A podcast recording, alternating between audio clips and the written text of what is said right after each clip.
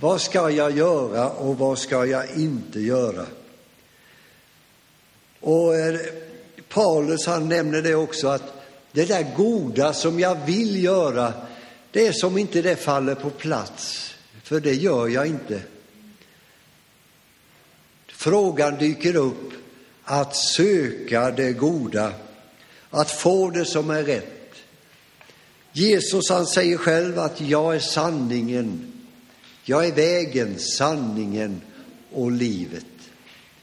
Att söka det som är rätt, det är att söka Kristus och nå honom. Sända en hunger över hela landet, ja, över hela vår värld. Hur människor liksom längtar efter rättfärdighet, sanning och tro. Det är det som människor behöver. Vi möter ju människor nästan dagligen som söker och söker och längtar efter att fylla någonting, det stora tomrummet i livet. Vi vet att det kan vara alkohol, vi vet att det kan vara mycket annat runt omkring som man söker. Och det tillfredsställer, eller bedövar ska vi säga, det bedövar längtan ett tag. Men det ger ju inte det man behöver. Utan egentligen behöver man ett ord ifrån Herren. Och jag är övertygad om att i en sån här gudstjänst vi samlas idag så kan en profetisk hälsning betyda väldigt mycket. Att du är värdefull, att du finns och att du är viktig och att Gud har en uppgift och en tjänst. Han har en plan för ditt liv. Och jag tycker att vi har blivit visade in i eh, den mission som du visade här hur Guds plan kan bli förverkligad i människors liv. Människor som knappt har vetat vad det är de längtar efter, men som möter de Guds kärlek och förstår att min hunger, det är efter Guds ord. Det är det som ger mening och liv. Jag vill ta med er till eh, Lukas det sjuttonde kapitlet där Jesus möter eh, folket. Och tillfrågad av fariseerna, Lukas 17 och 20. Tillfrågad av fariseerna om när Guds rike skulle komma svarade han, Guds rike kommer inte på ett sådant sätt att man kan se det med sina ögon Ingen kan säga här är det eller där är det. Nej, Guds rike är inom er. Till lärjungarna sa han, det skall komma en tid då ni längtar efter att få uppleva en enda av Människosonens dagar, men inte får det. Man ska säga till er, där är han, eller här är han. Spring inte dit de pekar, Rusa inte efter dem, ty liksom blixten flammar till och lyser upp hela himlen från horisont till horisont, så skall Människosonen visa sig på sin dag. Men först måste han lida mycket, förkastas av detta släkte, och det var i Noas dagar, så som det var i Noas dagar. Så skall det bli under Människosonens dagar. Folk åt och drack, gifte sig, blev bortgifta, ända till den dag då Noa gick in i arken och floden kom över dem och gjorde slut på dem alla. Eller som i Lots tid, folk åt och drack, köpte och sålde, planterade och byggde. Men den dag då Lot lämnade Sodom regnade det eld och svavel från himlen och gjorde slut på dem alla. Likadant blir det på den dag då Människosonen uppenbaras. Vi lever ju i en tid då människor säger att här är det och där är det. Åk dit, gör det. Och plötsligt så är det ett enda virvar det möter hela världens befolkning. Gör det så blir du lycklig. Ni vet, det finns motionstrender och det finns eh, eh, olika trender på alla områden. Och, och det, ja, det är ju bara det som saknas, tänker man. Och så blir det ytterligare en grej som man ska göra i sitt liv. Hur ska man få plats med allt sammans undan för undan om inte man hittar sin egen plats och sitt eget sökande? Vad är det du längtar efter egentligen? Jesus säger, jag har kommit för att ni ska ha liv och ett liv i överflöd. Han platsar liksom in i alla människors liv. En bön som du kunde pröva, det är Herre, finns du? Så vill jag vara med och söka dig just nu. Herre, är du en verklighet så måste du finnas för mig. Paulus var ju inne på det. Han kom och predikade för grekerna. Och han säger, jag ser att ni är ivriga gudsdyrkare på den här platsen. Men så när jag gick här och tittade så stod det på en skylt, man kunde be till en okänd Gud. Då passar Paulus på och säger, det är till denne okände Gud jag har kommit till er för att berätta om. Så berättar han om Jesus, hur han måste lida och dö, men också uppstå för den tredje dagen. Åt alla dem som ber och tror på honom, så skall undret ske. Du ska bli frälst, du ska bli räddad, du ska få en framtid och ett hopp.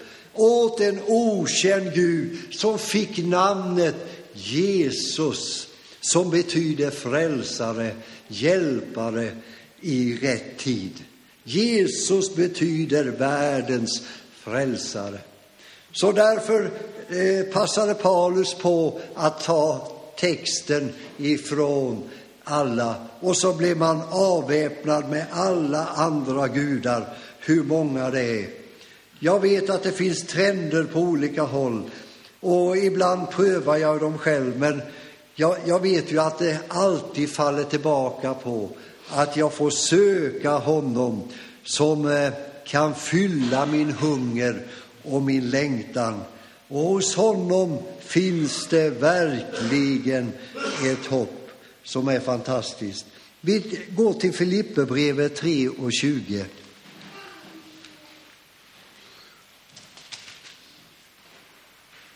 Filipperbrevet 3 och 20.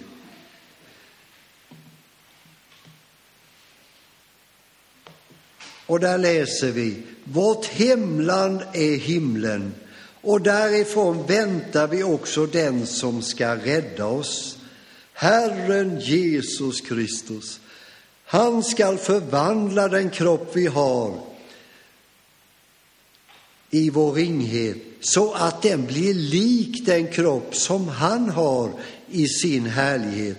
Ty han har kraft att lägga allt under sig.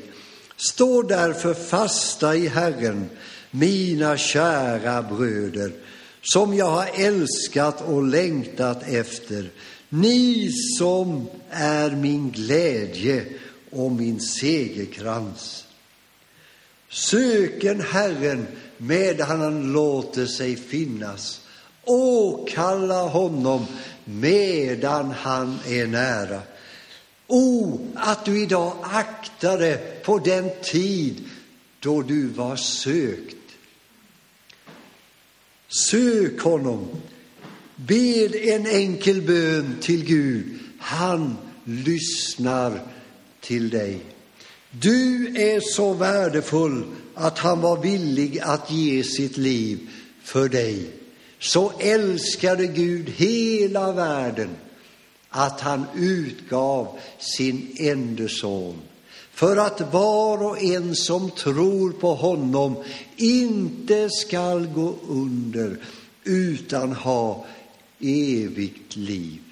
Han har gett en framtid och ett hopp. Och så som Gud upphöjde kopparormen i öknen, när man såg på den så blev man botad ifrån sin sjukdom. Så skall Människosonen bli upphöjd på ett kors. Och när vi ser på honom så ska vi bli så förvandlade att en dag ska hela vår kropp och allt bli förändrat, att det blir likt honom själv. Så vår kropp i vår ringhet, ja, allt ska bli. Och det betyder att när vi kommer i evigheten så ska jag känna igen Håkon och Reinhold och, och, och de andra. Det, det finns något som påminner mig om att Yvonne är där. Vi ska bli lik honom, men ändå ska jag känna igen er. Jag tror att det blir en fantastisk tid. Så vill jag till sist säga att Jesus har sagt att han kommer tillbaka. Och det är många som har sagt att nu har Jesus kommit. I USA gick det en vitklädd man gata upp och gata ner och sa att han var Jesus. Rätt vad det var så var han sjuk, rätt vad det var så var han död och så var han borta. En del hade ju gått på det vet ni, och trott det, men så är det inte. I Kanada var jag och reste med Inglis, min syster. Och då när vi åkte förbi ett högt berg så sa Inglis, här i det här samhället vi åker igenom nu så predikade pastorn länge att Jesus ska komma tillbaka. Och han talade om vilken dag han skulle komma. Och när han kommer så ska vi gå upp på det berget för att möta honom. Och han tog med sig, när dagen kom, tog han med sig hela församlingen upp på bergstoppen. Och så väntade man att nu kommer Jesus. Det gick timmar. Mörkret började falla. Folk började tröttna och gå hem. Han kom inte som den här pastorn hade sagt eller hoppats eller trott.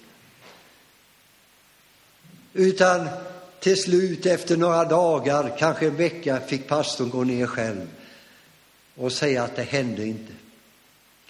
Det berättas om de här trakterna i, i Sjöaryd, att man klädde sig i vita kläder och gick för att möta Jesus. Han skulle komma tillbaka. Den berättelsen finns eh, om man gick för att möta Jesus. Han kom inte just den dagen. Om den dagen vet ingen något, den dagen och stunden när han kommer. Men en sak är vi övertygade om, att han kommer tillbaka. Och vi väntar honom på skyn och vi ska möta honom där. Men det finns något som håller honom tillbaka. Och det är att han vill att alla människor ska höra evangelium. När den tiden kommer vet bara Gud själv när han säger nu är det dags. Därför ska du vara väntande och du ska vara vakande över att Herrens dag kommer när man minst anar det. Han säger själv att måtte Människosonen finna tro här på jorden. Därför heter det att så länge det heter idag så ska vi arbeta och tjäna honom som kommer och ska förvandla oss som människor. Vi väntar honom dag och natt. Och vi väntar honom idag. Sök honom nu medan det heter idag. Du kanske tänker, vem ska vara med om det här? Jag ville läsa i psalm 139. Vi älskar ju den psalmen som om det vore vår egen. Ja, vi tar till oss den så personligt. Vi känner oss så älskade i den här psalm 139. Herre, du rannsakar mig och känner mig. Om jag står eller sitter vet du det. Fast du är långt borta vet du vad jag tänker. Om jag går eller ligger så ser du det. Du är förtrogen med allt jag gör. Innan ordet är på min tunga vet du det, Herre, allt jag vill säga. Du omger mig på alla sidor. Jag är helt i din hand. Den kunskapen är för djup för mig. Den övergår mitt förstånd. Var skulle jag komma undan din närhet? Var skulle jag fly för din blick? Stiger jag upp till himlen, då finns du där. Lägger jag mig i dödsriket, är du också där. Tog jag morgonrodnadens vingar, gick jag till vila ytterst i havet, skulle du nå mig även där och gripa mig med din hand. Om jag säger mörker må täcka mig, ljuset omkring mig blir natt, så är inte mörkret mörk för dig. Natten är ljus som dagen, själva mörkret är ljus. Du skapade mina inälvor, du vävde mig i moderlivet. Jag tackar dig för dina mäktiga under. Förunderligt är allt du gör. Du kände mig allt igenom. Min kropp var inte förborgad för dig. När jag formades i det fördolda, när jag flätades sammans i jordens djup. Du såg mig innan jag föddes. I din bok var jag redan skriven. De dagarna som hade formats innan någon hade grytt. Dina tankar, o Gud, det är för högt för mig. Väldigt är deras mångfald. Jag vill räkna dem. Är de flera än sandkornen? När jag till slut är jag ännu hos dig. Vilken omsorg, vilken tanke.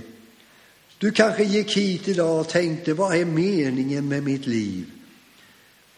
Varför lever jag? Varför är jag till? Jag ville bara säga att du är innesluten i Guds stora omsorg. Bara en tanke på att Gud finns kan räcka till en hel evighet. Han säger, rövaren på korset, han säger till Jesus, tänk på mig, tänk på mig när du kommer i ditt rike. Då vänder Jesus sig emot honom och så säger han, redan idag skall du vara med mig i paradiset. En tanke på att Jesus har sett dig, har hört din bön.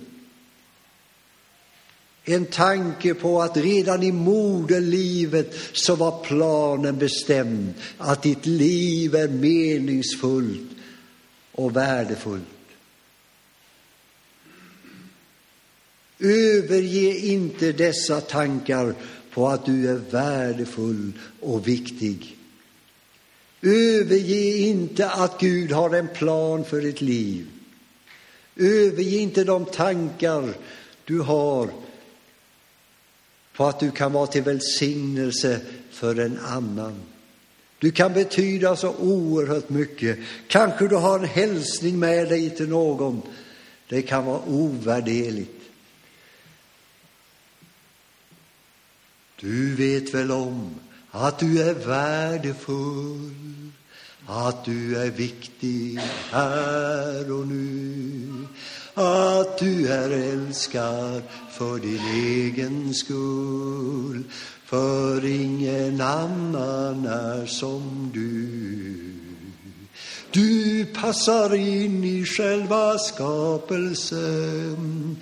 Gud har en uppgift just för dig.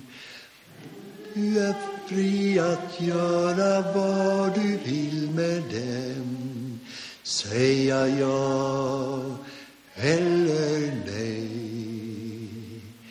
Du vet väl om att du är värdefull, att du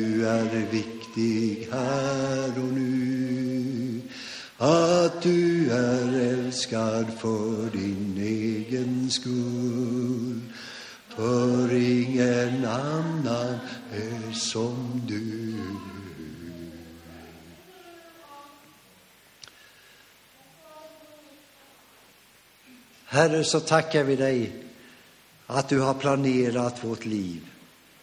Du har så rika och höga tankar om oss var och en.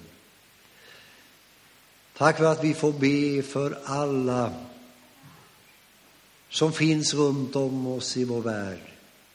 Herre, tack för den mission som blivit presenterad här och vad den har fått betyda för att människor ska få en uppgift och ett värde i sitt liv. Herre, nu ber vi dig att du tar hand om oss som är samlade här, var och en särskild. Jag prisar ditt namn. Amen.